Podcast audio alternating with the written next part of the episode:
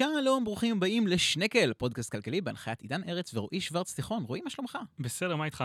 בסדר גמור. עכשיו תשמעו, זה בעצם פרק שאנחנו הקלטנו בשטח. ראיון עם מירב ארלוזרוב, אה, שהוקלט ב-20 לשביעי, אה, לדעתי ב-2020. טילים שרקו מעלינו, כדורים עפו לידינו, נפצענו קצת בקרב, אבל עשינו את מיטב המאמצים העיתונאיים שלנו כדי להביא לכם ראיון אה, עם...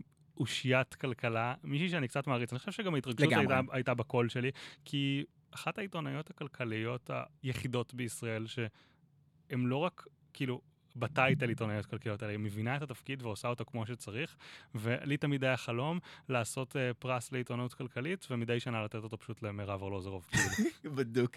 אגב, אחד הדברים הגדולים שנעשו ברעיון הזה, שתכף תשמעו, זה שבעצם מירב חזתה את הסגר השני, הסבירה גם למה הוא יקרה, זה היה בזמן שזה היה מאוד מאוד לא ברור. אמ, ובעצם החיסרון העיקרי זה שהאיכות סאונד ש- של הפרק, מכיוון שהפרק הזה הוקלט בעצם בשטח, אז אה, היא פחות טובה, אז אה, מתנצלים על זה, אבל אה, בעינינו זה רעיון ש- שהיה לנו מאוד מאוד חשוב אה, להביא, להביא לציבור, אז בואו נתחיל. ורק משהו קטן, אם איכות הסאונד חשובה לכם, זה בסדר, לדלג לפרק הבא פשוט. לגמרי. אז בעצם נתחיל, השאלה הראשונה ששאלנו הייתה בעצם, מירב, אם, אם, לך, אם היה לך מטה קסם שאיתו היית יכולה לעשות כל מהלך כלכלי שהוא, מה היית עושה? היום, אין כן. ספק בכלל, מוציאה את השליטה בניהול הקורונה מידי בנימין נתניהו. ונותנת אותו ל... לעבודת מטה מסודרת של הממשלה, מביאה את אחד ממנכ"לי משרד רוה"מ לשעבר, אומרת לו, תארגן עבודת מטה של משרדי הממשלה, אה, בוא נראה אותם עוב- עובדים ביחד, הם מסוגלים לזה, אה, לתכלל את משרדי הממשלה עם משרד הביטחון, כמובן עם פיקוד העורף, ועם עם השלטון המקומי, שלושת הגורמים המרכזיים בעצם באירוע הזה, ולתת לממשלה להתחיל לעבוד בצורה מסודרת ומאורגנת. זה לא קרה עד עכשיו, ארבעה חודשים. לגמרי, אגב, למה בעצם את חושבת ש- שדווקא הניהול של של נתניהו הוא בעצם נקודת תורפה כאן? כי האיש לא יודע לנהל, והוא עף על עצמו, וזה שילוב קטלני, זה ממש שילוב קטלני. כן, כן, כאילו- במקרה הזה ליטרלי קטלני. כן, כן, ממש קטלני. כאילו, אבל אני חושב שניגע בנתניהו בהמשך, כן. רצינו כזה לפתוח, כן. אה, בשאלה כזה קצת להכיר אותו. נשמח שתספרי על עצמך, אה, קריירה, אישי, מה, מה שאת מ- מ- רוצה. איך הגעת לאיפה שהגעת? איך הגעתי? מה, התחלתי בצבא, הייתי כתבת אה, צבאית במחנה. אה, וזהו, משם כבר אחרי הצבא המשכתי, התלבטתי מה אני רוצה ללמוד, אז אמרתי בינתיים אני אעבוד בעיתונות, קלטו אותי, אז קלטו אותי בקלות כמובן, קיבלתי ניסיון. ובבוא העת אה, היה לי חלום להיות רופאה. וואלה. התלבטתי, התלבטתי, התלבטתי, אמרתי די, מספיק, הייתי כבר בת 23, נרשמתי לרפואה. אה, במקביל הציעו לי להתחיל לכתוב על כלכלה, הייתי אז בחדשות, בחדשות. אה, התחלתי וזה מצא חן, אבל אמרתי, אני כבר, מה, אני כבר לא, אני כותבת את זה, אני צריכה את זה, אני צריכה גם ללמוד את זה, ותוך כדי שהגיעו גם, כבר הגיעו תשובות, תוסף לרפואה, ביטלתי ונרשמתי לכלכלה במקום. יפה, מגניב ביותר. ונשארתי. אז. בעצם דווקא הכתיבה הכלכלית הביאה אותך לכלכלה, ולא הכלכלה לכתיבה כלכלית. כן, כן, היה איזה חצי שנה שכתבתי לפני שהתחלתי ללמוד, לא הרגשתי עם זה הכי בנוח, אגב, אני זוכרת את, ה, את, ה, את האירוע הזה שהיה בסביבת עיתונאים, נדמה לי של אל על, אני לא זוכרת ש... איזה שנה איזה? שנה, כן, על על איזה שנה אנחנו מדברים? 1990, והם הגישו את הדוח הכספי, ופתחתי את זה ואמרתי, וואי, מה זה הדבר הזה? היום כתבים הולכים בכלל למסיבות אז עיתונאים. התביישתי בעצמי, אמרתי, איך אני כותבת בשביל לקרוא את המסמך הזה ששמו דוח כספי? וכאילו, דבר ראשון שעשיתי זה היה להירשם לחוג, כאילו, לקורסים בחשבונאות, להבין באמת מה זה דוח. כספי, ולהתחיל להרגיש שאני מבינה מה מדברים איתי. מאוד חשוב אגב. היום עיתונאים כלכליים הולכים למסיבות עיתונאים כאלה של דוחות כספיים, כי זה קצת פחות לדעתי. לא, לא, לדעתי בכלל הנישה של עיתונאים כמעט וכמעט ודעכה לגמרי. את מרגישה שכאילו שלעיתונאים ה- של העיתונאים הכלכליים היום כאילו אין מספיק הש- השכלה כלכלית כדי לעשות את לא, זה? לא, היום או זה לא מספיק ברור. רצון כדי אה, לא. ללכת לשם? לא, היום זה ברור שכולם בוגרי כלכלה, היום זה go without saying. אה, אבל לא, אה, מסוות עיתונאים, כי משהו שאיבד שר חינוך, אני לא יודעת אפילו להגיד לכם למה, אני אני לא הייתי לא בסביבת עיתונאים לדעתי שנים. עכשיו נכון שאני לא כתבת אה, תחום, אז יכול להיות כן. שכתבי תחום כן יש להם מסוות עיתונאים פה ושם. תראה, הבנקים עדיין יש את המסוות עיתונאים השנתית, לפחות היה עד הקורונה. אה, כן, אה, עכשיו הם בטח יעברו למסיבות עיתונאים בזום. לדעתי כן, זה הקורונה תחסל סופית את המוסד הזה. למרות שזה מוסד חשוב, כי הוא מאפשר לך לשאול שאלות, אבל תראו היום, מאוד יותר קשה להתחמק משאלות, כי אתה, השיח כל כך פתוח וכל כך ביקורתי וכל כך גלוי, אז, זהו, יש הרבה עיתונאים שאומרים שעכשיו יש פחות מסיבות עיתונאים, בעיקר ביקרו את ראש הממשלה תקופה ארוכה. כן. לא, זה לא אותו דבר, כן. פוליטיקאים להשיב על שאלות בוודאי לא, שצריכים, זה, זה, כן. זה ברור, מנקודת מבטי למשל, טל שניידר לפחות בפיד שלי מאוד הייתה לגמרי, עניינית היא-. היא- היא היא מאוד עקבה אה, אחרי כן. החרם על נתניהו הגדול. ובגדול אבל אשה, האם באמת יש צורך, הרי גם עיתונאים כמוך ש... גם אם אין מסיבת עיתונאים, יש לך נגישות לרוב האנשים שאת מסקרת, לא ככה? כן, לראש הממשלה לא, אוקיי, אין נגישות לראש הממשלה. אבל לאזור של שר האוצר, משרד האוצר, משרדים שונים? כן, עדיין, אתה יודע, הם מגיש- הם מגישים תוכנית גדולה. אתה יודע, הם מנצלים את הבמה להופיע בפני הציבור ולדבר, אז קיבינימט שאלו על שאלות, מה זה, זה לא אה, הצגת יחיד. ברור. אז התחלת בעצם ללמוד כלכלה, המשכת במקביל אה, את הכתיבה. היית לדעתי באותה זמן בגלובס, נכון? אה, הייתי בחדשות, עברתי בחדשות. לגלובס, אה, ומגלובס עברתי לארץ, כן. יש שלושת העיתונים שהייתי בהם. ואז בעצם עזרת להקים את דה מרקר. ו- ומה בעצם כאילו הדבר ש- ש- שייחד את דה מרקר לעומת נגיד ה- ה- המדור הכלכלי של, של הארץ בזמנו, לעומת גלובס כאילו אז וואו, והיום? זה היה קפיצת מדרגה ניכרת, וקודם כל צריך לתת את הקרדיט ליוזה, ל- ליזם וההוגה, שזה כמובן, אה, שזה כמובן גיא רולניק, הוא היה ערוך החיה. אני הייתי אז עורכת הארץ כלכלה, ולצידי היה איתן אבריאל שהיה עורך האתר. אה, אתר דה מרקר בעצם יצא לדרך עצמאית, אה, היה בבעלות שוקן, אבל היה עצמאי, זה היה אתר אינטרנט עצמאי, ובעצם החלט הוחלט לקפל אותו חזרה פנימה ולהפוך את, אה, להפוך בעצם, אה, לאחד את האתר ואת הארץ כלכלה ליצ- ליצור חדש שיקרא דה מרקר, ותוך כדי מה שהיה ממספר עמודים בתוך העיתון, שזה היה מדור כלכלה, הפך לסוג של עיתון עצמאי ונפרד, למרות שהוא כמובן בא בתוך החבילה של הארץ. המון פעמים גם עם, עם אג'נדה כאילו אה, וכיוון, עריכתי אה, די נפרד. נכון, זה התחיל אגב באמת עם צבעוניות אחרת לגמרי מהארץ, עם הרבה יותר צעיר, הרבה יותר נגיש, הרבה יותר פונה לאוכלוסיות רחבות, רחבות. זה אגב מהלך שזכה להצלחה מסחררת מהרגע הראשון. מהמם. תקופה שבה העיתונות כבר התחילה את הדעיכה שלה, וזה היה, זה באמת, זה הפך את המגמה, ממגמה של דעיכה, זה הפך את המגמה לנסיקה מטורפת, זה היה הצלחה באמת מדהימה. שוב, הקרדיט קודם כל לגיא. אה, אני הייתי החיילת שביצעה, אני ואיתן היינו החיילים שביצעו, היה חיילת השוחות. תהליך מרתק. היית אבל. עיתונאית ותיקה, זה לא שהיית... אה, כן, כן, הייתי עורכת חמש כן. שנים. אה, זה היה תהליך באמת ממושך של מיזוג, לא מיזוג קל, בכלל מיזוג זה לא תהליך עסקי קל. אז גם הניסיון הניהולי כאן היה, היה מרתק. אבל מה מייחד מערכת? ואגב, איך שזה הסתיים, אמרתי, וראיתי שראינו שזה הצלחה, אמרתי, ונכנסתי לגיא אחרי חצי שנה, אמרתי לו, הספיק לי, די, אני פורשת מעריכה, אני רוצה לחזור לכתוב. אבל מה מייחד מערכת? אם מחר בבוקר לוקחים את כל העיתונאים בכלכליסט ומחליפים אותם בכל העיתונאים בדה מרקר, אנחנו נקבל פשוט עיתונים זהים עם שמות אחרים, נכון? לא. לא? חד משמעית. אז לא. מה השפעת יש, לעריכה? יש DNA ארגוני, זה ברור, זה לא רק עריכה, זה ה-DNA הארגוני, זה התרבות של המקום. תראה, דה מרקר, בסדר, אני התחלתי כאן באפריל 1999, אני לא האדם הוותיק ביותר כאן באולם. כלומר, אנחנו צוות שעובד ביחד אה, בין 15 ל-25 שנה, הצוות. זה אין, זה מכפיל כוח מטורף. עכשיו, אתה גם מרגיש את זה בעיתון, אתה מרגיש את, ה, את ה bonding, את, ה, את הסיעור מוחות, את ה, באמת, את ה, אנחנו, אנחנו צוות, אנחנו עובדים כצוות. אבל מה המשמעות של זה? בוא בוא נתחיל אולי לעבור לשאלה כן. לסדר יום, אה, נכון? לא, ב- בעצם בעצם אני חושב שנמשיך את זה ואז אוקיי. השאלה לסדר יום. אז- אז אז על לצורך העניין את מרגישה שכאילו שלדה מרקר יש איזושהי אג'נדה ספציפית נגיד גם אני וגם רועי שאנו כותבים בבלוגייה של של דה מרקר אה, שזה גם דבר יחסית חדש אה, שנפתח עכשיו ואנחנו לא מרגישים כאילו איזושהי אג'- איזושהי אג'נדה ספציפית כן? לא, קודם כל האג'נדה זה ליברליות. כלומר, ש- זה אומר? בוא- בוא- בואי ספרי לנו על זה רגע. הליברליות קודם כל זה אומר שיש לך את המו"ל הכי טוב בישראל, ללא ספק, שזה עמוס שוקן, שהוא מו"ל מצוין קודם כל בגלל שהוא מבין עיתונות ואוהב עיתונות, והוא נושם וחי עיתונות מיום שהוא נולד, והוא לא מתערב, אף פעם, Mm. בסדר? כי לפעמים מדברים איתי על בעלי המניות, יש היה שם את הגרמנים, נדמה לי הם כבר... כן כן אני הם זוכר. כבר אותה. יצאו, ויש את נבזלין, וכאילו, אתה יודע, זה, זה לא רלוונטי בשום צורה שהיא, כלומר, אנחנו לא מרגישים את בעלי המניות בשום דרך, אף פעם, באף מצב, עמוס שוקן הוא באמת אה, חוצץ כאן בצורה הרמטית לחלוטין.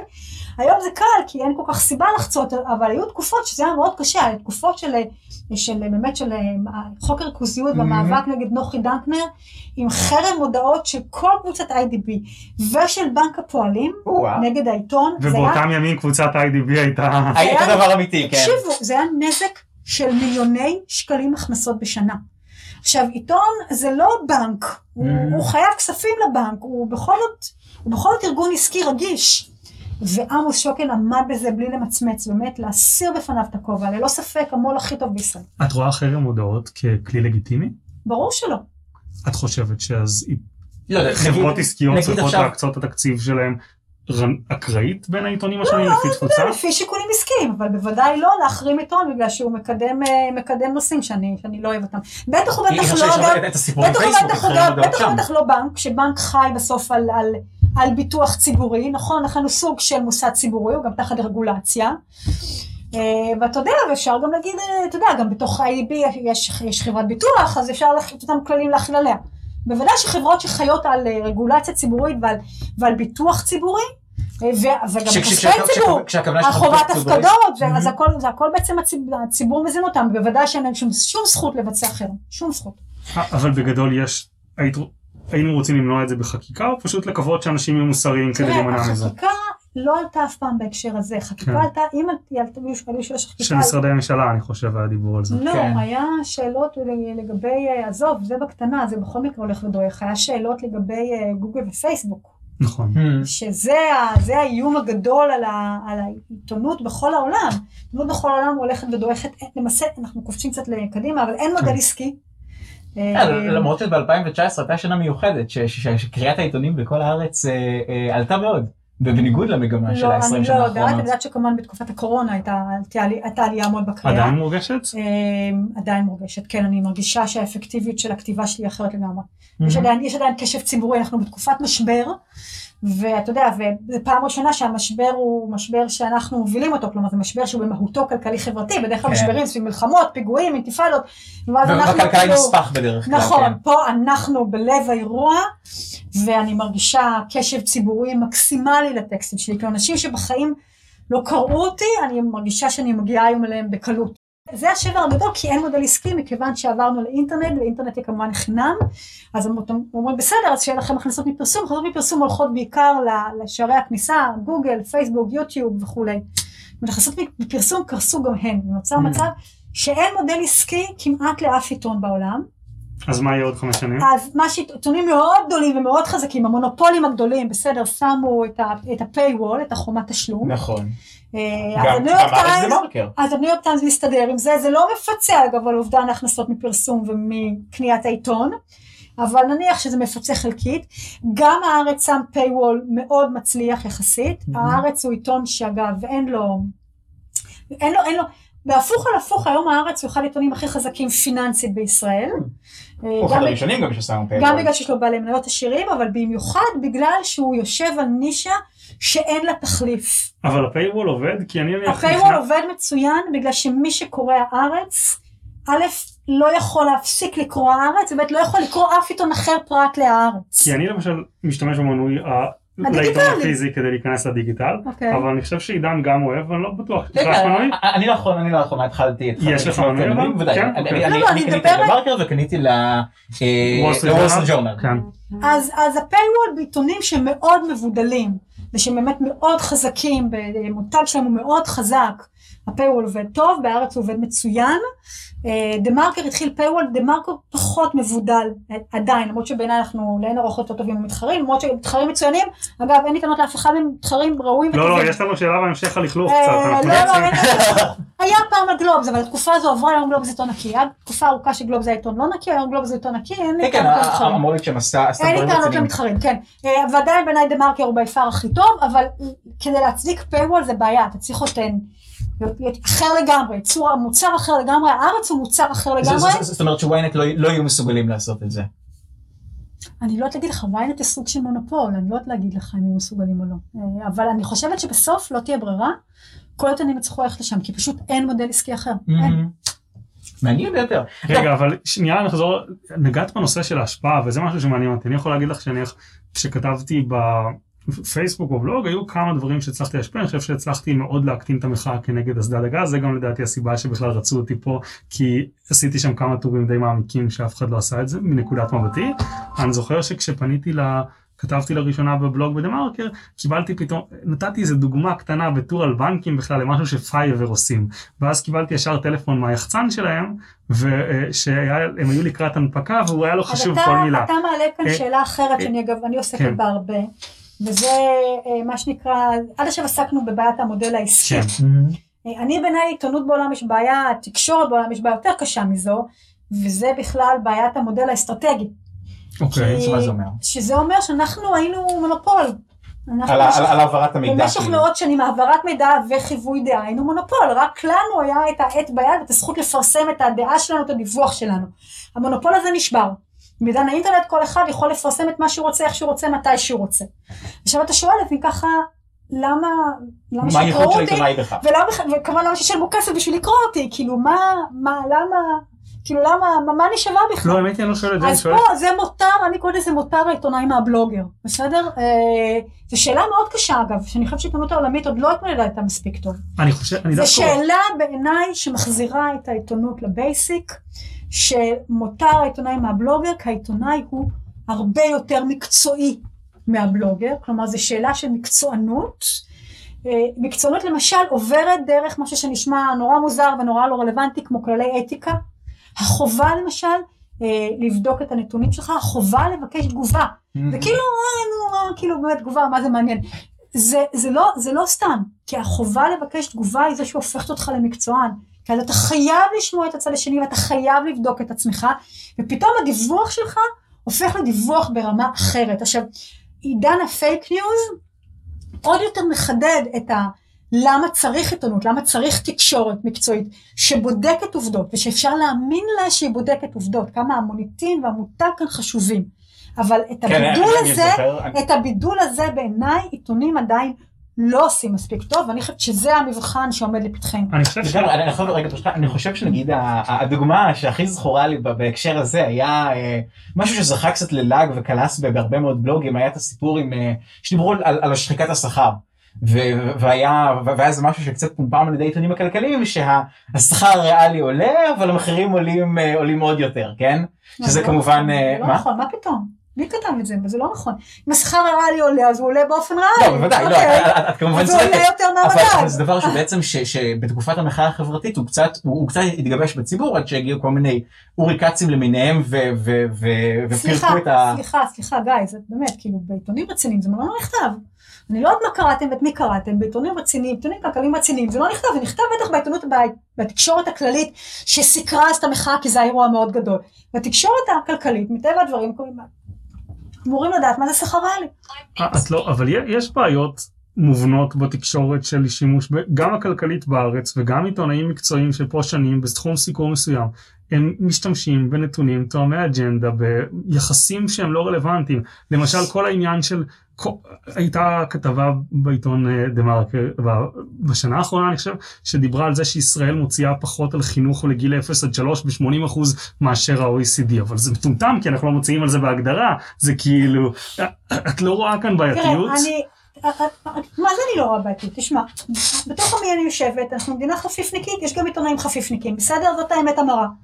עכשיו, זה לא שהעיתונות יותר מ- מענפים אחרים, היא לא. לא, לא חושב. אה, ודווקא ספציפית, העיתונות הכלכלית היא בעיניי החלק היותר מקצועני, בגלל שאנחנו מאוד מוטי נתונים, אנחנו כל הזמן מסתכלים על נתונים, כל הזמן מסתכלים על מספרים, אנחנו יחסית, אנחנו גם נישות יותר קטנות, אנחנו יחסית עיתונים יותר מקצוענים. האם להגיד לך שכל העיתונים הכלכליים רציניים? בוודאי שלא.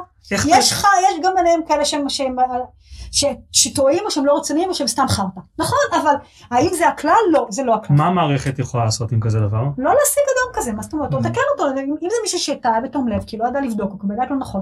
אתה יודע, אנחנו לא... אבל רואה? מישהו שהוא- מישהו שהוא חרטא, לא צריך לא צריך לעבוד. את רואה כאן הבדל בין הטלוויזיה? כי לדעתי הטלוויזיה לוקחים אושיות והופכים אותם לעיתונאים כלכליים כן. יותר. בזמן שבעיתונות הכלכלית הכתובה זה קצת יותר מסורתי. תראה, הטלוויזיה זה בעיה, כי יש להם, שוב, עכשיו בזמן הקורונה זה לא נכון. אה, אני דווקא אה, נתקלתי כן, בתקופת הקורונה הרבה בכל מיני יותר- שימוש יצירתי קצת ב- לא, לא, מה בנתונים. שקורה, ב- מה שקורה בעידן הקורונה, זה כמו שקרה במחאה החברתית, שאנשים שאינם כתבים כלכליים נכנסים לסקר אירוע Mm. כלכלי, ואז יש לך אלף ואחת טעויות, בסדר? כי, הם לא, כי זה לא התחום שלהם ולא מבינים בו. אמ, אבל, אבל-. תסתכל על העיתונים, על, אני חושבת שגם גם, שוב, בטלוויזיה יש להם מעט מאוד זמן, ומעט מאוד זמן גם להסביר. יש, אתה יודע, יש נושאים, שאתה צריך את האלף מילה להסביר אותם. אבל ואז אם אתה צריך לעשות את זה בשתי דקות בטלוויזיה, זה בעיה, זה מתפספס, זה הופך שטחי, כי, אבל זה, זה האילוצים של המדיום. אז רגע, אז איך את בעצם כותבת כל כך הרבה דברים וגם עורכת מדור דעות? איך, איך את מוצאת את השעות ביום?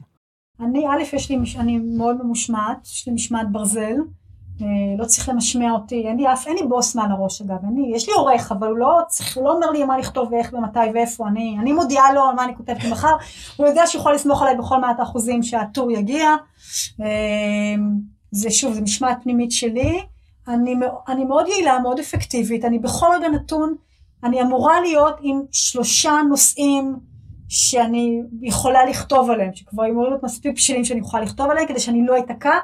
היו תקופ... יש ימים שאתה נתקע. אתה בא בבוקר, והיה לך נושא, ופתאום לא בא לך עליו, הוא כבר נראה ארכאי, או פתאום אולי מישהו אחר כתב על זה באיזשהו עיתון אחר, וזה כבר עבד, עבד הקלח, או סתם יצא לך חשק, או אתה פתאום מגלה איזשהו נתון ש... שיש רגע, אני מישהו צריך- ששורס את התיאוריה. לא, אני זה. צריך לבדוק את זה שוב יותר לעומק, אז קורה שאני, קורה שאני מבשלת טור מעכשיו רגע, לעכשיו, אבל את קמה זה בבוקר, לא קורה לי הרבה. את קמה בבוקר, מגיעה לפה, מתעסקת בטור הבא שלך, איך זה עובד? כן, כאילו? אני מתעסקת, לא, אני מתעסקת על חמישה טורים בו זמנית, אני חייבת כל הזמן שיהיה לי מלאי, כל הזמן. אני למשל, כשאני... אני כות- כותבת ארבעה, אני, כן. טרום הקורונה כתבתי ארבעה טורים בשבוע. אה, פרשן ממוצע בניו יורק טיימס לא כותב יותר מטור אחד בשבוע, אני יודע, זה זה נחשב מטורף. מאוד לא מקובל. גם אתה יותר מחמש מאות... בתקופת הטרור, הקורונה אגב, אני כתבתי שבעה ושמונה טורים בשבוע, הייתי. פשוט, אבל זה היה באמת, זה באמת היה אטרף, אה, כמה מילים? את אלף מילים לטור? משהו כזה, כן. אני יכול להגיד לך שאני למשל, אני כותב מעצבים. אני- כן. כאילו, זה לפחות הכתיבה, לפחות אצלי הכתיבה הכי טובה שלי היא עם כשאתה העצבים. כותב מהבטן זה יוצא הכי טוב. כן. ואז פתאום אני אבל מגיע... לפעמים אני בכוונה מרסנת את עצמי. שאם אני בכוונה אומרת זה נושא מספיק רגיש, מספיק מסובך, אני בכוונה אכתוב אותו מאוד לקוני, מאוד יבשושי, אביא רק את ה... אפרוס את הנתונים בפני הקורא, ושהוא כבר יחליט לבד, או שהוא אני- יחליט אני- לבד. אני זוכר את התור שלך על, נראה נראה לי דקטלון, אני חושב שזה היה עם כל כן, ה- הרגולציות. ה- אני ה- ראיתי את ה- הזעם שם מתחת לפני השטח. זה היה סיפור טוב. רגע, ספרו. קצת למאזינים, אני לא... אה, זה היה- כן. זה היה סיפור על ה... זה הייתה המחשה קטנה לבירוקרטיה הממשלתית על איך דקטלון לא הצליחו להכניס לארץ את ה-RFID, הרי בעולם אין להם קופות, אתה עובר עם המוצר, כי יש לו, יש, יש לו תגית RFID, ואז... radio frequency, מה זה? משהו? כן, והצבא השתלט על כל ה- על כל כן, לא ה frequencies. הצליחו לקבל, בגלל התדרים של הצבא, לא הצליחו לקבל איש- אישור להשתמש ב-RFID, וצריכים להשתמש בברקוד, שברקוד זה כמובן טכנולוגיה הרבה יותר מיושנת.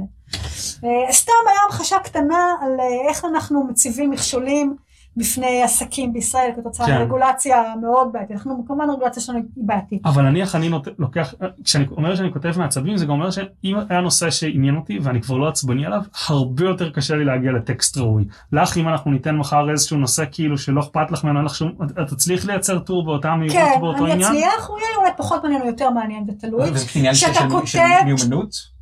כן, זה מה שאני, תראה, זה- זה המקצוע שלי, זה העבודה Mhm. שלי, אני עורכי דין, אתה יודע, קוראים, אה, יש להם מאות אה, מסמכים, מאות אה, ארגזים של מסמכים לעבור לפני משפט. אני, אז אני עוברת על דוחות של ועד- של ועדות וקוראת קוראת מסמכים. אבל כן, כל אחד את במקצוע שלו. עדיין משתפרת עם השנים? או שזה אני- מגיעים ל... א', בוודאי, אני גם משתנה עם השנים. מה, איזה שינוי למשל? למשל אני? למשל הרבה פחות מתלהמת היום. במה זה מתבטא? שאני הרבה פחות מתלהמת, אני הרבה פחות קיצונית בכתיבה שלי, אני הרבה יותר אה, מציגה את ה-pros and cons, את ה... הרבה יותר חושבת שאם יש נושא שהוא סבוך, זה בדרך כלל בגלל שזה אין אה, תשובה חד משמעית, זה בדרך כלל נמצא איפשהו בתחום האפור. ואז אני הרבה פחות, כאילו אני בעצם פוגעת בפופולריות של עצמי בזה שאני הרבה פחות נחרצת, הרבה פחות כאילו באה עם אה, תופים ומ- ומצלתיים. אה, אבל אני חושבת שזה לאורך זמן זה גם בונה את המוניטין שלי, כי אני עוברת יותר מאוזנת ויותר רצינית. איך את חשה את האפקטיביות שלך? איזה פידבק יש לך שאומר וואלה הטור הזה הצלחתי לשנות משהו בממשלה? תראה, הצלחתי-" בקורונה אתה רואה, כי אתה אתה עפים לך... כי דברים קורים מעכשיו לעכשיו. לא, עפים, טוקבקים ועפים אה, מיילים ועפים טלפונים. בתקופת טרום הקורונה, אני תמיד האינדיקטור הכי טוב שלי זה היה מיילים, יותר מאשר טוקבקים, כי מייל, טוקבק זה אתה, אתה אנונימי ואתה בא לך, אתה יורד למקלדת, לא אכפת לך כלום. מייל צריך להיכנס, לפתוח את העיתון, לחפש את המייל שלי, להזדהות, לכתוב לי, זה אינדיקטור דווקא יותר טוב, יותר חזק. את רואה אבל שינויי מדיניות בכירים שאמרו לך וואלה קראתי את הטור שלך טעיתי פה או תדברי או שזה פחות א', קורה? לא, לא יגידו לי את זה במילים האלה, ואני רואה שינוי משינוי מדיניות, אני רואה שאני משפיעה, כן. אגב, יש, יש דברים שאמרת עברת שינויים, לא- שינוי לאורך זמן. יש טורים שאת מצטערת בדיעבד ש, שכתבת, או, ש, או שהיית משנה בהם משהו גדול בדיעבד? א', בוודאי יש, אני קשה לשלוף לך עכשיו מהזיכרון. אמ, א', אני, לא, אני לא, אני שונאת לטעות. אני מתעוררת באמצע הלילה אם אם טעיתי. פתאום זה חוזר לי בשלוש בבוקר שעשיתי משהו לא נכון, אז א' זה אני תמיד מצטערת. מכיר את זה. בדרך כלל אני מצטערת על התלהמות, שהייתי אגרסיבית מדי ואולי שלא בצדק. מהמם. לכן עם הזמן הפכתי לפחות ופחות אגרסיבית. שוב, לא נכון מדי לעיתן הקורונה, בארבעה חודשים האחרונים אני הכי אגרסיבית שהייתי אי פעם לדעתי, אבל אני, אני פשוט חושבת שאנחנו נמצאים במשבר קולוסלי וזה דורש... אה, תגובה זה- בהתאם. בדיוק, זה דורש על אוטוקטבה. את מרגישה שאת לפעמים נעה בציר בין פופוליזם לבין עובדות? למשל, לי היה טור על יפה בר- בר דוד, בן בן- אה, דוד. שם זה זה הכל היה טענות קצת באוויר, מאוד פלאפי, מאוד לא, הצליח אבל גם, אתה אבל... לא עיתונאי, אני בדיוק מסבירה לך. אתה לא תצטרך להרים טלפון אליה ולדבר איתה לפני, ולשמוע את הקול שלה לפני שאתה מדבר איתה. כשאתה עושה את זה, זה גורם לך, אה, א', להבין את האנשים, וב', להיות קצת יותר רגיש לאיך אתה כותב עליהם. בסדר? זה בדיוק אמרתי לך, מותר העיתונאי מהבלוגר. חובת התגובה היא הבדל עצום. אני לא חושב שזה מה שאישית הפריע לי, פשוט שבדרך כלל אני משתדל להיות מבוסס נתונים. אני רואה את עצמי, אני לא יודע איך עידן רואה את עצמי, אני רואה את עצמי כאקטיביסט מבוסס נתונים ומדע. משהו שזה- כזה. אבל שזה- נתונים, נתונים כן. גם צריך להבין אותם, שאתה צריך לדבר ברור, עם לא, השני ולהבין מה הם, כן. ולהבין את ההסבר שלו, ההסבר שלו לנתונים. תראה, כתבתי שבוע למשל על דרעי והתוכנית ה-700 מיליון שקלים שלו. אה, שדי ביקרתי אותה, ואז קיבלתי טלפון למחרת, אה, כתבתי את זה עכשיו מ- ממנכ"ל משרד הפנים, אמר לי תשמעי את טועה, ואלה אלה ואלה היו שיקולים שלנו. אז א', כתבתי שוב, יותר מרוכך, עדיין אני חושבת שגם תוכנית לא מספיק טובה, אבל אתה יודע, לא קטלתי אותה, כי אני לא חושבת שזה לגמרי מופרך, אבל לא, זה לא מספיק טוב. אבל אתה יודע, אבל זה שהוא התקשר ואמר לי מה השיקולים המקצועיים שעמדו, ואיך הוא מגיב לטענות שלי. כן, זה חשוב. ומה את חושבת ש... שגם גם את באופן אישי וגם generally speaking העיתונות הכלכלית בישראל, מה, מה עוד אפשר לעשות כדי לשפר אותה, להעלות את הרמה שלה, להפוך אותה למשהו, הרי בעצם, קודם כל, רגע רגע אני רק אסיים את השאלה ואגיד שבעצם כאילו גם משהו שבעצם ייתן כזה את, ה, את, ה, את, ה, את המידע הראוי לציבור וגם משהו שבעצם באמת יביא לציבור את ה... אז את ה... התשובה היא, התשובה היא, תשלמו על paywall. אוקיי. אה, כי מה שחסר כאן זה בעיקר משאבים. יש תחומים של- שלמים שלא מסוכרים, כי אנחנו לא קולטים יותר עובדים. מה היית עושה אם- אה, אם היו לוקחים דלי של כסף ושופכים עלייך? אני, למשל, אני, אני, אני מזהה פונקציות שחסר בהם, בהם סיקור. אין, אין בכלל כלכלת שלטון מקומי באף עיתון. נכון, וזה ממש חבל. נכון, אין כלכלת ביטחון באף עיתון. אתם יודעים מה, מה איך כתב... עושים כתבי ביטחון. אבל הם לא מבינים ניהול, לא. הם לא עוסקים, הם עוסקים ב, ב, באמת במבצע הצבאי הבא, הם לא עוסקים בתהליכי רכש, בקבלת רגע, אני אשאל אותך החלטות. רגע, רגע, רגע. ובינינו- הם- רק מצטטים הודעות, זהו. של דובר צה"ל. אני לא יודעת, אני לא יודעת, אני לא יודעת, אני לא אני ולא אתה מבינים מספיק כדי להגיד את זה, אבל הם לא, אני אפילו אומרת, תארו לכם שהיה כתב שהיה יושב בתוך משרד הביטחון והיה עוקב כל הזמן. אחרי תהליכי הרכש של משרד הביטחון. איך תהליכי הרכש שלהם נראים היום? אם הם לא היו יותר טובים, אני משוכנעת שהם יותר טובים. שחוסכים ככה מיליארדים על הנה, אני מיליארדים. זוכרת את התקופה שהייתה עיתונות מקומית בישראל. מה זה עשה לשלטון המקומי בארץ? שיפר אותו דרמטית, אין היום עיתון מקומי, אתה יודע, כאילו... אה, יש קצת בחיפה, יש קצת בתל אביב. בסדר, יש... לא, עזוב?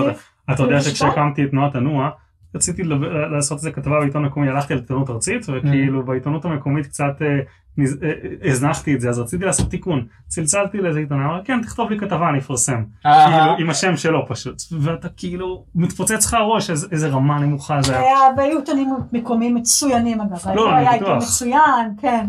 וזה היה מאוד חשוב שראשי ערים ידעו שמישהו עוקב אחריהם. וזה זה באמת, זה קריטי.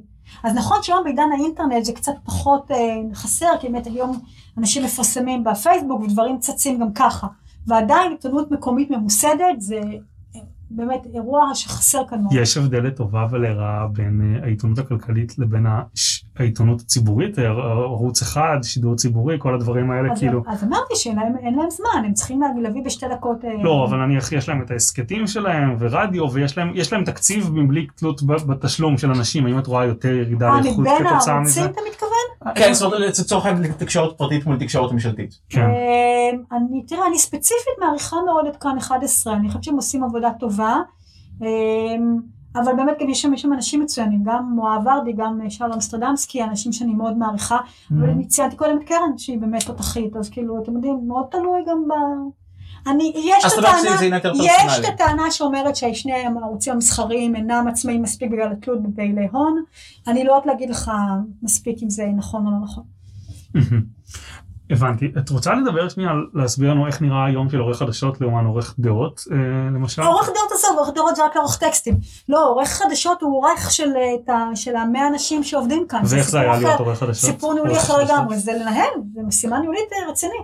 יש לך גם לערוך את התוכן של העיתון מקצועית, וגם את כל הצד הניהולי, אתה יודע, זה באמת, זה היה חוויה מכוננת. זה- זה- מתגעגעת? זה בעצם מנהל לא, של... אה, עזבתי את זה אחרי חמש שנים, כי חשבתי שמספיק לי עם ניהול כוח אדם, אבל זה אין ספק שזה משנה את כל כל הפרספקטיבה שלך. צריך להיות צעיר כדי להיות מנהל חדשות, או שאפשר בכל לא, לא? לא, לא, לא, ממש לא, לא, ממש לא.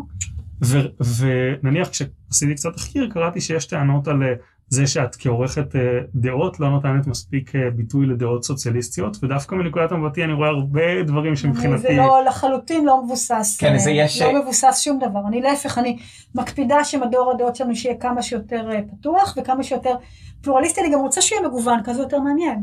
אבל אתה יודע, אני, אני, היום אנחנו במצב שאנחנו מפרסמים מאמר אחד מתוך עשרים. זה אומר ש-19 מאמרים ייפסלו גם אם היו טובים, פשוט בגלל שיש מאמרים טובים מהם. אה, זה המחיר. אבל אז מישהו שפסלו לו את המאמר חושב שאני רודפת אותו. לא, פשוט יש 19, יש 19 יותר טובים ממנו, זה, זה מה שיש. מה השיקולים שלך? כי אני רואה הרבה יחסית אנשים, כאילו name recognition זה כן איזשהו שיקול במידה מסוימת, נכון? תראה, אם כותב לי מישהו שהוא בעל משקל ויודע שלדעה שלו יותר חשיבות, אבל אני בעיקרון אנחנו פתוחים לכולם, והשיקול הוא רק אם המאמר אה, אה, קוהרנטי כמובן ומעניין. מעניין מאוד חשוב, אל תכתבו, מי שכותב משעמם אני לא אעביר אותו. את בדיעבד אה, מסתכלת, על- או כל יום מסתכלת על אנליטיקות כדי להחליט מה תכתבי לאבא, מה לפרסם לאבא, יש אני קוראת תלות? כל הזמן, מה זאת אומרת? לא, לא, לא, אנליטיקות. את האנליטיקות של הדברים שקשה... אה, של לא, הדברים שלך. אני לא, אני לא עושה, אה, לא, אני לא. את לא מסתכלת על זה אני בכלל? לפעמים, אני לפעמים אגב כותבת טורים ביודעי שהם לא יקבלו כמעט תגובות, ביודעי שהם ישעממו את הציבור, אני כותבת אותם? שאני חושבת, עשיתי סדרה, תקשיבו, מעולה, בסדר, לא אומרת את זה הרבה, מעולה, סופר חשובה, ארבעה, הקדשתי לה ארבעה טורים עוקבים, בגלל שחשבתי שזה כזה חשוב על ההיערכות של בתי האבות, של המוסדות הסיעודיים עכשיו בקורונה. Mm. ובקושי קיבל תגובות. והתעקשתי לפרסם את כל ארבעת המאמרים, אמרתי, זה סופר חשוב, זה נקודת תורפה ענקית, אנחנו לא אוהבים להתעסק עם הפיפי והקקי של הזקנים שלנו במוסדות הסיעודיים, אבל זאת השאלה, מי מנגב מי מנגב את הטוסיק? כי האיש הזה יכול מחר לקבוע אם אנחנו נעמוד, נעמוד במגפת הקורונה, כן או לא. אז התעסקתי בזה, וידעתי, שאני?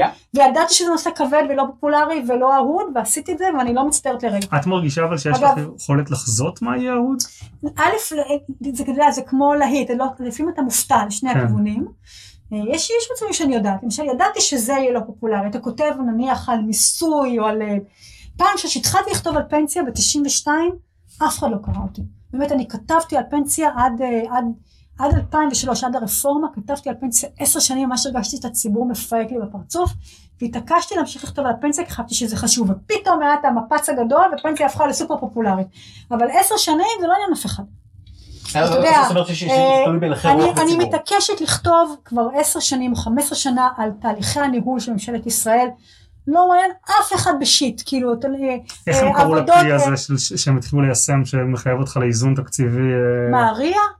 לא, לא ריה. אה, אה, לא, ריה זה לרגולציה. זה רגולציה, נכון. אה, אה, את הכלי שהתחילו ליישם אה, אתה בקדנציה מתכוון 2015. ל- לנומרטור. נו, היה לך כתבות מעולות על אה, הנומרטור. כן, זה לא קשור אגב לאיזון תקציבי. זה לא, זה לא קשור, זה לא כן. רגולציה, אבל כל הדברים האלה שקשורים למשל לטכניקה של עבודת הממשלה, זה משעמם אנשים בטירוף. אבל אתה רואה את זה עכשיו בקורונה, ממשלת ישראל ממשלה לא טובה, בגלל שאין לה תהליכי ניהול מסודרים. זה לא סתם הגרמנים מצליחים ואנחנו לא, ולא בגלל שביבי אבל- מתנהל כמו, אני לא אגיד כמו מה, אבל מתנהל בצורה לא אחראית, אוקיי? אבל חלק מהסיפור הוא, זה אם יש לך ממשלה מסודרת, רצינית, עם תהליכי קבלת החלטות, עם עבודת מטה, עם בדיקה עצמית, עם יעדים, עם מדדים, עם, עם, חזרה, עם חזרה אחורה אם המדד לא מצליח, עם תכנון לטווח ארוך, עם אסטרטגיה, כל, הד... כל הבררה הזה, היומיום האפור הזה, של, של לקבוע מדדים ולמדוד את עצמך ולאסוף את החומר, אנחנו לא אוהבים את זה, אנחנו אומת הסטארט-אפ, אנחנו אוהבים לפתח, אנחנו לא אוהבים לייצר. אם לא נלמד לייצר, לעולם לא נהיה מדינה טובה. ובקטע הזה אני מתעקשת לשעמם את קוראי 15 שנה, ואני אמשיך לשעמם אותם עוד 15 שנה כי זה קריטי. אבל כאן דווקא, לא מהמקום התקיף, אלא מהמקום הבאמת כנה, מה מכשיר אותך לדעת שממשלות אחרות יותר טובות? למשל, מהניסיון האישי שלי, כל ישראלי בטוח שבגרמניה הכל מתפקד, ויצא להיות בגרמניה, הם שונאים את הרכבת בדיוק כמונו, שמאחרת בדיוק כמונו, השדות תעופה שהם בונים מתעכבים יותר שנים מהשדות תעופה שלנו. אה וואו, יש את הסיפור עם- כן. השדה ברלין, החדש בברלין. ברלין. כן, כאילו, אה, אה, מאיפה היה הרקע הזה? את באמת אתה מרגישה שאת שולטת אתה בזה? א', יש מדדים בינלאומיים, ואתה רואה שהאפקטיביות של ממשלת ישראל נמוכה, אתה רואה את זה? מדדי רגולציה, אתה יודע, ה-doing business הוא היחיד שמוכר, אבל יש עוד מדדים רבים. אחרים יותר רציניים מה-doing business. אנחנו נראים לא טוב, אנחנו באמת לא טובים. עכשיו, אתה יודע, פתאום עכשיו, למה, למה רשות המיסים לא מצליחה להביא את הכסף לאנשים? עכשיו אתה מתחיל להיכנס לנושא של ועדי עובדים. כי אין דאטה, כי אתה מה מתחיל ומה, להיכנס לנושא של והמערכות שלהם ממשנת של תרפפו. דיגיטציה, אתה מתחיל להיכנס לשאלה של מה זה שע"ם, ומה הכשלים של שע"ם. עכשיו, את מי זה מעניין הדברים האפורים האלה? אתה יודע, זה מהנדסי תעשייה וניהול. מה קורה בחקירות אפידמיולוגיות? למה הם לא... ועכשיו כל, כולם כותבים על זה, כי זה כולם כמובן מנפשנו. אבל אתה יודע, הסיפור הזה של למה השרשרת לא עובדת, איפה בטכניקה זה לא עובד טוב, זה עבודת ניהול טובה. אנחנו לא אוהבים לעשות דברים טכניים. באמת, זה משעמם אותנו. אבל זה גם קורה באירופה. אני לא איזה מומחה גדול, אבל גם בבלגיה יש כישלון טוטאלי, יש מדיניות אז של... בלגיה אני לא מכירה, גרמניה נראית מצוין, אוסטריה נראית מצוין, אה, שוודיה לקחה ניסוי על כל העולם, ניסוי מאוד מעניין לטעמי, אגב, אני לא חושבת ששוודיה כישלון, אני חושבת שזה ניסוי מאוד מעניין מה ששוודיה עושה. אה, אבל העניין הוא ששל כל הליכי אה, אה, הליכי ניהול, זה נשמע קצת, נשמע קצת באוויר. אתה יכול רגע לתת דוגמה יותר קונקרטית? אמרתי לך, ל- לאיזה דבר, איזושהי רפורמה שכאילו שהיית דופקת על השולחן אני ואת זה עכשיו מעבירים. כתבתי על זה למחר, על הרפורמה בנציבות שירות המדינה. מה קרה איתה ולמה? מעולה, אז אז כשנעלה את את הפרק אז אה, נקשר ל- נקשר לטור. בוא נקווה שלא נעלה אותם מאוחר מדי ועכשיו אנשים יראו שנתנו מלא זמן מראש. בכל מקרה, אז אה, אז אז בוא נראה. טוב רגע, אתה רוצה את השאלה הבאה? לך על זה. אמ, עוד עוד דבר זה שיש ביקורת אה, נגדך בכמה חוגים על, על זה שבעצם יש לך איזשהו בליינד ספוט שנקרא בנימין נתניהו. שבעצם אה, שכאילו שאת מבקרת אותו ו- וקצת כאילו על עיוור כן? אז מה עיוור, במה ביקרת אז- עיוור? אז מה- ל- לאנשים האלה? או מה או- או יש לך או, רגע אני יודעת מה אני אשאל את זה אחרת יש לך המון יש לך הרבה מאוד אה, אה, כעס אני רואה את זה על על- על על עכשיו, נתניהו. בקורונה. ודאי. אז אז קודם כל, למה, אז קודם כל ספציפית על מה, ודבר שני, למה את חושבת ש, שספציפית נתניהו הוא כל כך בעיה, וגם, מה, מה, מה את חושבת כאילו ברמה הפוליטית טוב. היה, היה עדיף לעשות? אז, אז זה לא ברמה הפוליטית, זה ברמה הניהולית. אה, א', בוא נתחיל מזה שאני ב-2003-2005 הייתי, הייתי אחד העיתונאים שהכי תמכו בנתניהו. אגב, היה לי Mhm. שנים מערכת יחסים מצוינת איתו, כי הוא היה שר אוצר מצוין. לא, הוא עשה מתגעגעת דברים- לנתניהו של 2003? כן, אני יכולה גם להסביר לך למה, טלפון ולמה הוא הצליח אז והוא לא מצליח היום. הוא היה? עונה לך לטלפון אז? ברור, נפגשנו איתו, אנחנו, אנחנו, אה, הארץ כלכלה, לא היה עדיין כן. במרקר, הארץ כלכלה נתנו לו גיבוי באמת היסטרי, תמכנו בו לאורך כל אורך הקו, ואני שנים כתבתי, שהוא שילם על זה אחרי זה מחיר פוליטי, הרי בבחירות של 2005 או 2006 זה היה נדמה לי, 12 הוא. נכשל, הוא נכשל בין השאר בגלל שהוא קנה לעצמו את התלמיד של מר אכזרי, כן. אבל אני כתבתי, תשמעו, האיש הזה הציל, הציל את מדינת ישראל, פשוט הציל אותה, ממש ככה, באלו? המילים. באיזה שלב אבל הוא הפסיק לענות לך טלפון? זה ברגע שהופכים לראש ממשלה? איך זה עובד? אה, ברגע שהתחלתי לתקוף אותו, נתניהו, נתניהו עונה רק כשמחמיאים לו. Mm, באותם מקומות שבהם פרגנתי לו שהייתי חוזרת ל-2003, שם הוא היה מתקשר אליי. אבל גם זה כמובן הפסיק בשנים האחרונות. אה, אבל אתם יודעים, א', אני שוב, אני נצמדת לעובדות, נתניהו מנהל לא טוב, מהמם. הוא תמיד היה מנהל לא טוב. ומאז הניצחון של 2015, אה, הוא עף על עצמו את אומרת, באג- השתן עלה לו באגרסיביות. לראש. שנונה לו לראש, ואז הוא הקצין עם הבעיות הניהוליות שלו עוד יותר, כי הוא לגמרי משוכנע שהוא אחד ויחיד ואין בלתו, והוא יותר לא מקשיב לכלום, הוא לא מתייעץ. תסתכלו מה קרה למטה שלו. כתבתי את זה השבוע, אין משרד ראש ממשלה, זה היה משרד מפואר. לדעתי. זה היה בכתבה שהכותרת של הראש הממשלה הגרוע אי פעם, נכון? כן, כי הוא לא, תראו, אני, אפשר, אפשר לתחר בינו לבין אה, גולדה אולי, בסדר? אבל, אבל מבחינה ניהולית, הוא בוודאי נופל מגולדה, כי הוא מתעקש לא לנהל. עכשיו, אי אפשר, באמת, אדם בודד רוצה להוביל לבדו משבר כלכלי, חברתי, אה, חסר. תקדים, ש... עכשיו אומרים לו בזמן אמת, אני, ראית, אני כתבתי את הדברים כבר בתחילת, בתחילת מרץ, אומרים לו בזמן אמת, כאילו, תן לממשלה לעבוד, תביא מנכ"ל, ראש ממשלה, מנכ"ל משרד ראש ממשלה שכולם ברחו ממנו, אף אחד לא רוצה לעבוד איתו, תחזיר אחד מהם, תן לו לנהל את עבודת המטה של המ- של הממשלה, תפעיל את רח"ל. עכשיו רח"ל גם נובנה, רח"ל הרי נועדה לנהל מצבי חירום לרבות מצב של מגפה. רח"ל? רשות חירום לאומית, זה. הפימה הישראלית. אבל, אבל היא, היא, היא נובנה, למה? כי ביבי ניוון אותה, כי היה שם מאבקים, מאבקי אגו בין אה, רח"ל לבין אה, פיקוד העורף, פיקוד העורף יותר אגרסיבי, ביבי לא אוהב לקבל החלטות, הוא לא אוהב להכריע, הוא לא מסוגל להכריע, אז הוא נתן לזה להתמסמס ורח"ל נובנה, אז גם רח"ל היום היא גוף שלא כל כך מתפקד, אבל אולי אפשר לקחת אותה, להביא לה איזשהו מישהו חזק שיעמוד בראשה, מישהו שכבר בעבר ניהל אותה ויודע מה זה, ולהתחיל להתניע את המערכת, היה צריך מערכת שמתכללת כאן, צריך מישהו שיחבר בין כל משרדי הממשלה. פיקוד העורף והשלטון המקומי. זה דורש יכולת, זה דורש יכולת ניהול, זה דורש מישהו שיודע ומבין איך ממשלה עובדת. אבל אי מרגישה אפשר אבל לעשות... מרגישה כל ש- זה לא נעשה. את מרגישה אגב ש- ש- ש- שבנט שמאוד מתאמץ להציב אלטרנטיבה לדבר הזה. עושה, עושה עבודה יפה אגב. אבל את מאשימה, את מאשימה בדיוק נתניהו, ואי אפשר להתייחס לזה כחפיפניקיות ישראלית, כדברים שקורים אבל בכל מקום בישראל? ת- תקשיבו, יש לו, יש לו מנגנוני ניהול קיימים של הממשלה.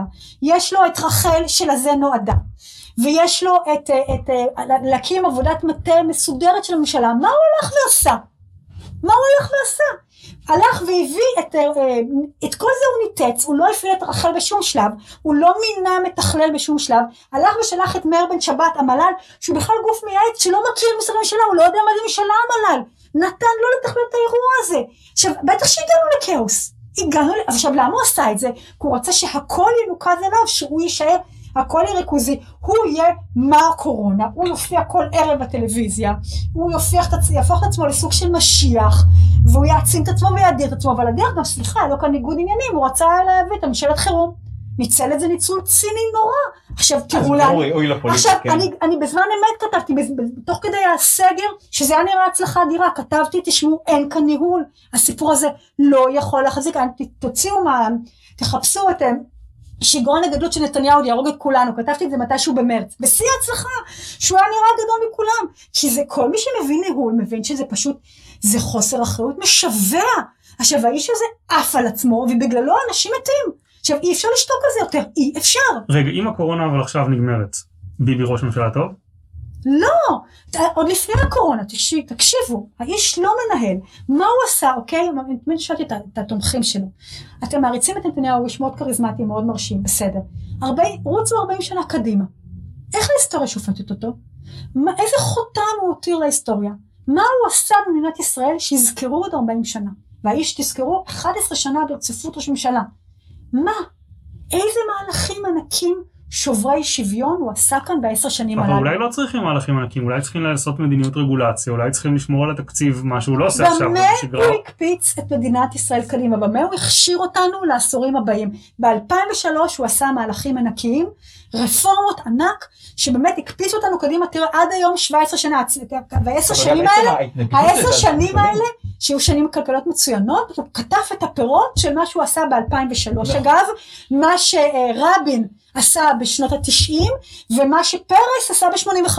פרס ואחריו הליכוד אגב, שמונה- ב- ב- כל הרפורמות של 85 עד, אה, עד 88. אז, אז תראו איזה אפקטיביות יש, אתה עושה מהלכים כלכליים נכונים, מבניים נכונים, אתה בונה תשתית לעשרות שנים קדימה. איפה בניית התשתית? מה הוא עשה שהכין אותנו קדימה? עכשיו אני יכולה לדבר איתכם על אה, יש השעה, יש למשל את הרפורמה ברגולציה שנעשתה לפי... איזה רפורמה ברגולציה? שהקימו את המרכז למדיניות רגולציה והכריחו את משרדי הממשלה לעשות שאמרת. אז, אה, פה הוא עשה לנו חצי צעד קדימה, זה חצי צעד בלבד. ואני אגיד לך מה עוד הוא עשה, בסדר? הוא Mhm. השקיע בתשתיות, לא מספיק אבל השקיע. והוא עשה בעיניי מהלך, אתה יכול- אפשר רק יכול להזכיר את חוק הריכוזיות שהיה חוק, זה לא שהוא לא עשה כלום, הוא עשה את מתווה הגז, אבל זה לא שובר שוויון. בסדר, זה לא מה שהפוך למדינת ישראל, הוא הבטיח לנו ב-1900, ב-2005 ושוב ב-2010 שנהיה אחת מעשר המדינות הטובות בעולם, איך אתה מגיע להיות אחת מעשר המדינות הטובות בעולם? אתה מתבונן בעיניים פקוחות בבעיות היסוד שלך, מהמם. ואתה לא מתחמק מלטפל בהן. איך עושים הוא את זה התחמק, פוליטית? הוא התחמק. איך- איך שר אוצר יכול לעשות טיפול בבעיות לא היסוד? שר אוצר, זה ראש- זה- זה ראש ממשלה ביחד עם שר אוצר. וזה לא... זה צוות. ו- והוא יכול להצליח תראה, פוליטית תראה לאחר מכן? מה, תראה מה נתניהו, איך הוא הצליח ב-2003, כי היה לו ראש ממשלה אדיר מעליו, את שרון, והיה לו את הצוות, את המטה הניהולי באמת המצוין של משרד לא, האוצר מתחתיו. מעולה, אבל לפני רגע אמרת שבגלל 2003 עד 2005 הוא נכשל טוטאלית בבחירות לאחר מכן. האם יש דרך לעשות את הדברים האלה בלי להיכשל לא טוטאלית? יודעת, לא יודעת, אבל מנהיג נבחן בממלכתיות שלו ובנכונות שלו לשלם מחיר. ב-2003 נתניהו היה מוכן לשלם מחיר למען מדינת ישראל. היום מדינת ישראל משלמת מחיר למענו. בזה הוא התהפך ב-180 מעלות. עכשיו היום זה פשוט, אני לא מוכנה לשתוק על זה יותר. לא מוכנה, האיש במו ידיו מוריד אותנו ביגון שאולה. ממית עלינו אסון בגלל שהוא מתעקש הוא מתעקש להעצים את עצמו על חשבון הפעלת תהליכי ניהול בסיסיים שקיימים בממשלה. לו אולמרט היה כאן, מצבנו היה לאין ארוך יותר טוב, ולא בגלל שאולמרט הוא מבריק, רק בגלל שהוא נותן לממשלה לעבוד בצורה מסודרת ורצינית ושקטה. פה שרים ב-2015-2020 עד השאלה הנוכחית שאת יכולה להגיד עליהם מילים טובות? משהו מהתקופה האחרונה חוץ מבנט? אולי? לא, בני דווקא בתור שר חינוך בעיניי לא היה מוצלח אגב. אוקיי. הוא לא הצליח בתור שר חינוך. אה, אתה יודע, בוא, א' בוא נראה, אני, אני חושבת שיש לו, שטייניץ בעיניי שר בסדר. אה, אגב, הוא לא, לא, לא קודם יותר מדי בעקבות כן, אבל הוא הבסדרנס שר, שלו. הוא שר בסדר. הוא הנגד של השרים. כן. אתה יודע, אני לא מספיק מבינה בביטחון פנים בשביל להגיד לך, לשפוט לך את ארדן. ארדן היה, הכרתי אותו בתור השר, שר העורף, שהוא הוא שביקש לפרק את משרד העורף, אפרופו מחלוקת בין רח"ל לבין פיקוד העורף, שכבר אז התחילה. אה, אני הערכתי מאוד את המהלך הזה שלו, חשבתי שזה היה מהלך ציבורי אמיץ. אה, אני מנסה לחשוב על שרים שמאוד הצליחו. אתה יודע, דרעי בתור שר פנים עושה עבודה מצוינת. במה? הוא משרד הפנים, משרד רציני. במה במה לזה מתבטא? בדיוק זה, הם, היום ממוקדים שלטון מקומי, Mhm. הם מטפלים בבעיות של השלטון המקומי. משרד מנוהל היטב, ומשרד רציני דרעי במשרד הפנים. מעניין, כי יש הרבה ביקורת על... עזבו את העניין כן. של היושרה האישית שלו, לא יודעת, לא יכולה לשפוט, לא מכירה, כן, לא בסדר, אבל כן. הרגע הרגע גם גם פרגנת לאולמרט, ברור לא, ש- ש- שהכוונה היא אך ורק לפן אבל גם המקצועי. במשרד הפנים אני חושב יש כמה דברים שתקועים, איחודי רשויות שלא זז איחודי רשויות. לא מנסים בכלל. למשל, הם אבל עברו למודל של אשכולות שהוא מודל לא, מדהים. אבל בת ים, תל אביב, מודל, נכון, זה אגב היה כישלון אה, של. ביקור- ביקורת פנימית לעיריות על הפנים המצב. לא חושבת, לא וגם אגב, האמת שיש עוד איזה נושא ש- שמעניין אותי במיוחד בוא נעשה הדעה שאלה שלך. אחרונה לדעתי לכל אחד יאללה, מאיתנו. אז- אז אם ככה אז אני רוצה לשאול, אה, סתם הזכרת את השלטון המקומי, אז- אז אוקיי. אז יש נושא שמעניין אותי בקשר לזה. יש היום הרי תקרת ארנונה, נכון? ש- שהממשלה מטילה על על העיריות, אסור לעיריות להעלות את הארנונה מעל איזושהי אה, נוסחה. ובעצם, לפחות ממה שאני רואה, אחת ה... אין תקרה, יש נוסחה שמקבעת את הארנונה. כן, ובעצם יש פיקוח על מחירים על, ה- על ארנונה, ואז בעצם מה שקורה זה שהעיריות לא יכולות לגבות ארנונה ריאלית מהתושבים. אז א', מעלות את, ה, את הארנונה על עסקים, ודבר שני, לא, לא, לא, לא, לא, לא, זאת לא הסיבה בכלל. העיריות בוחרות לעשות סבסוד שדה. כי העסקים לא מצביעים להם בבחירות והתושבים כן. אז זה הן לא מעמיסות. אז זה, זה בעיה קשה ואני צריכה, אני הולכת, אני מחכה קצת שיהיה איזושהי, קצת משהו ישתפר בניהול הקורונה שנוכל להתחיל לכתוב על זה, יש לי כוונה לכתוב על זה סדרה ארוכה של כתבות, זה אבל מאוד חשוב. כתבת על זה כבר הרבה פעמים בעבר. אבל לא מספיק, אני רוצה לכתוב על זה שוב עכשיו, כן. זה, זה גם לדעתי גם אה, אז- אה, אה, משפיע על משבר הדיור, את גם חושבת? ברור, חד משמעית משפיע על משבר הדיור. כי זהו, כי כן מספיק תמריץ לעיריות לבנות אה. למגורים. כן. אז אני אלך למקום דווקא יותר אישי, אני ועידן מתחילים פה לראיין אנשים, אם אפשר טיפים שלך כמראיינת לאיך לראיין אנשים. לא, אתם עושים איפה של עבודה. תודה רבה. תודה רבה. יש משהו שאת היית רוצה להגיד למאזינים שלנו לפני שנסיים? אה, שישמרו על עצמם ושיקפידו על אה, מסכה, אה, להימנע מהתקהלויות וחוץ ידיים. זה, אני באמת, זה לא צחוק, אנחנו לא יכולים להיות ציניים כאן. זה, המאזינים זה, לא לא רק רואים- עניין, זה לא רק עניין של חיים, כן. של חיים של אנשים, זה גם עניין של החיים הכלכליים, כאילו אנחנו נאבד שליטה, אנחנו נחזור שוב לסגר המפגר הזה, פשוט בושה, אף מדינה אחרת לא יצאה מסגר והיה נכנסה חזרה פנימה, ואנחנו אנחנו בכיוון הזה, אה, באמת בואו נעשה הכל כדי לא להגיע לשם. אה, המאזינים לא רואים את זה, אבל הרעיון היה לך עם מסכות אה, כן, שכולנו. לא, חשוב, אגב, בתוך, צריך בתוך סגורים להיות עם מסכות, כן. תודה רבה. בסדר גמור, תודה רבה. תודה לכם.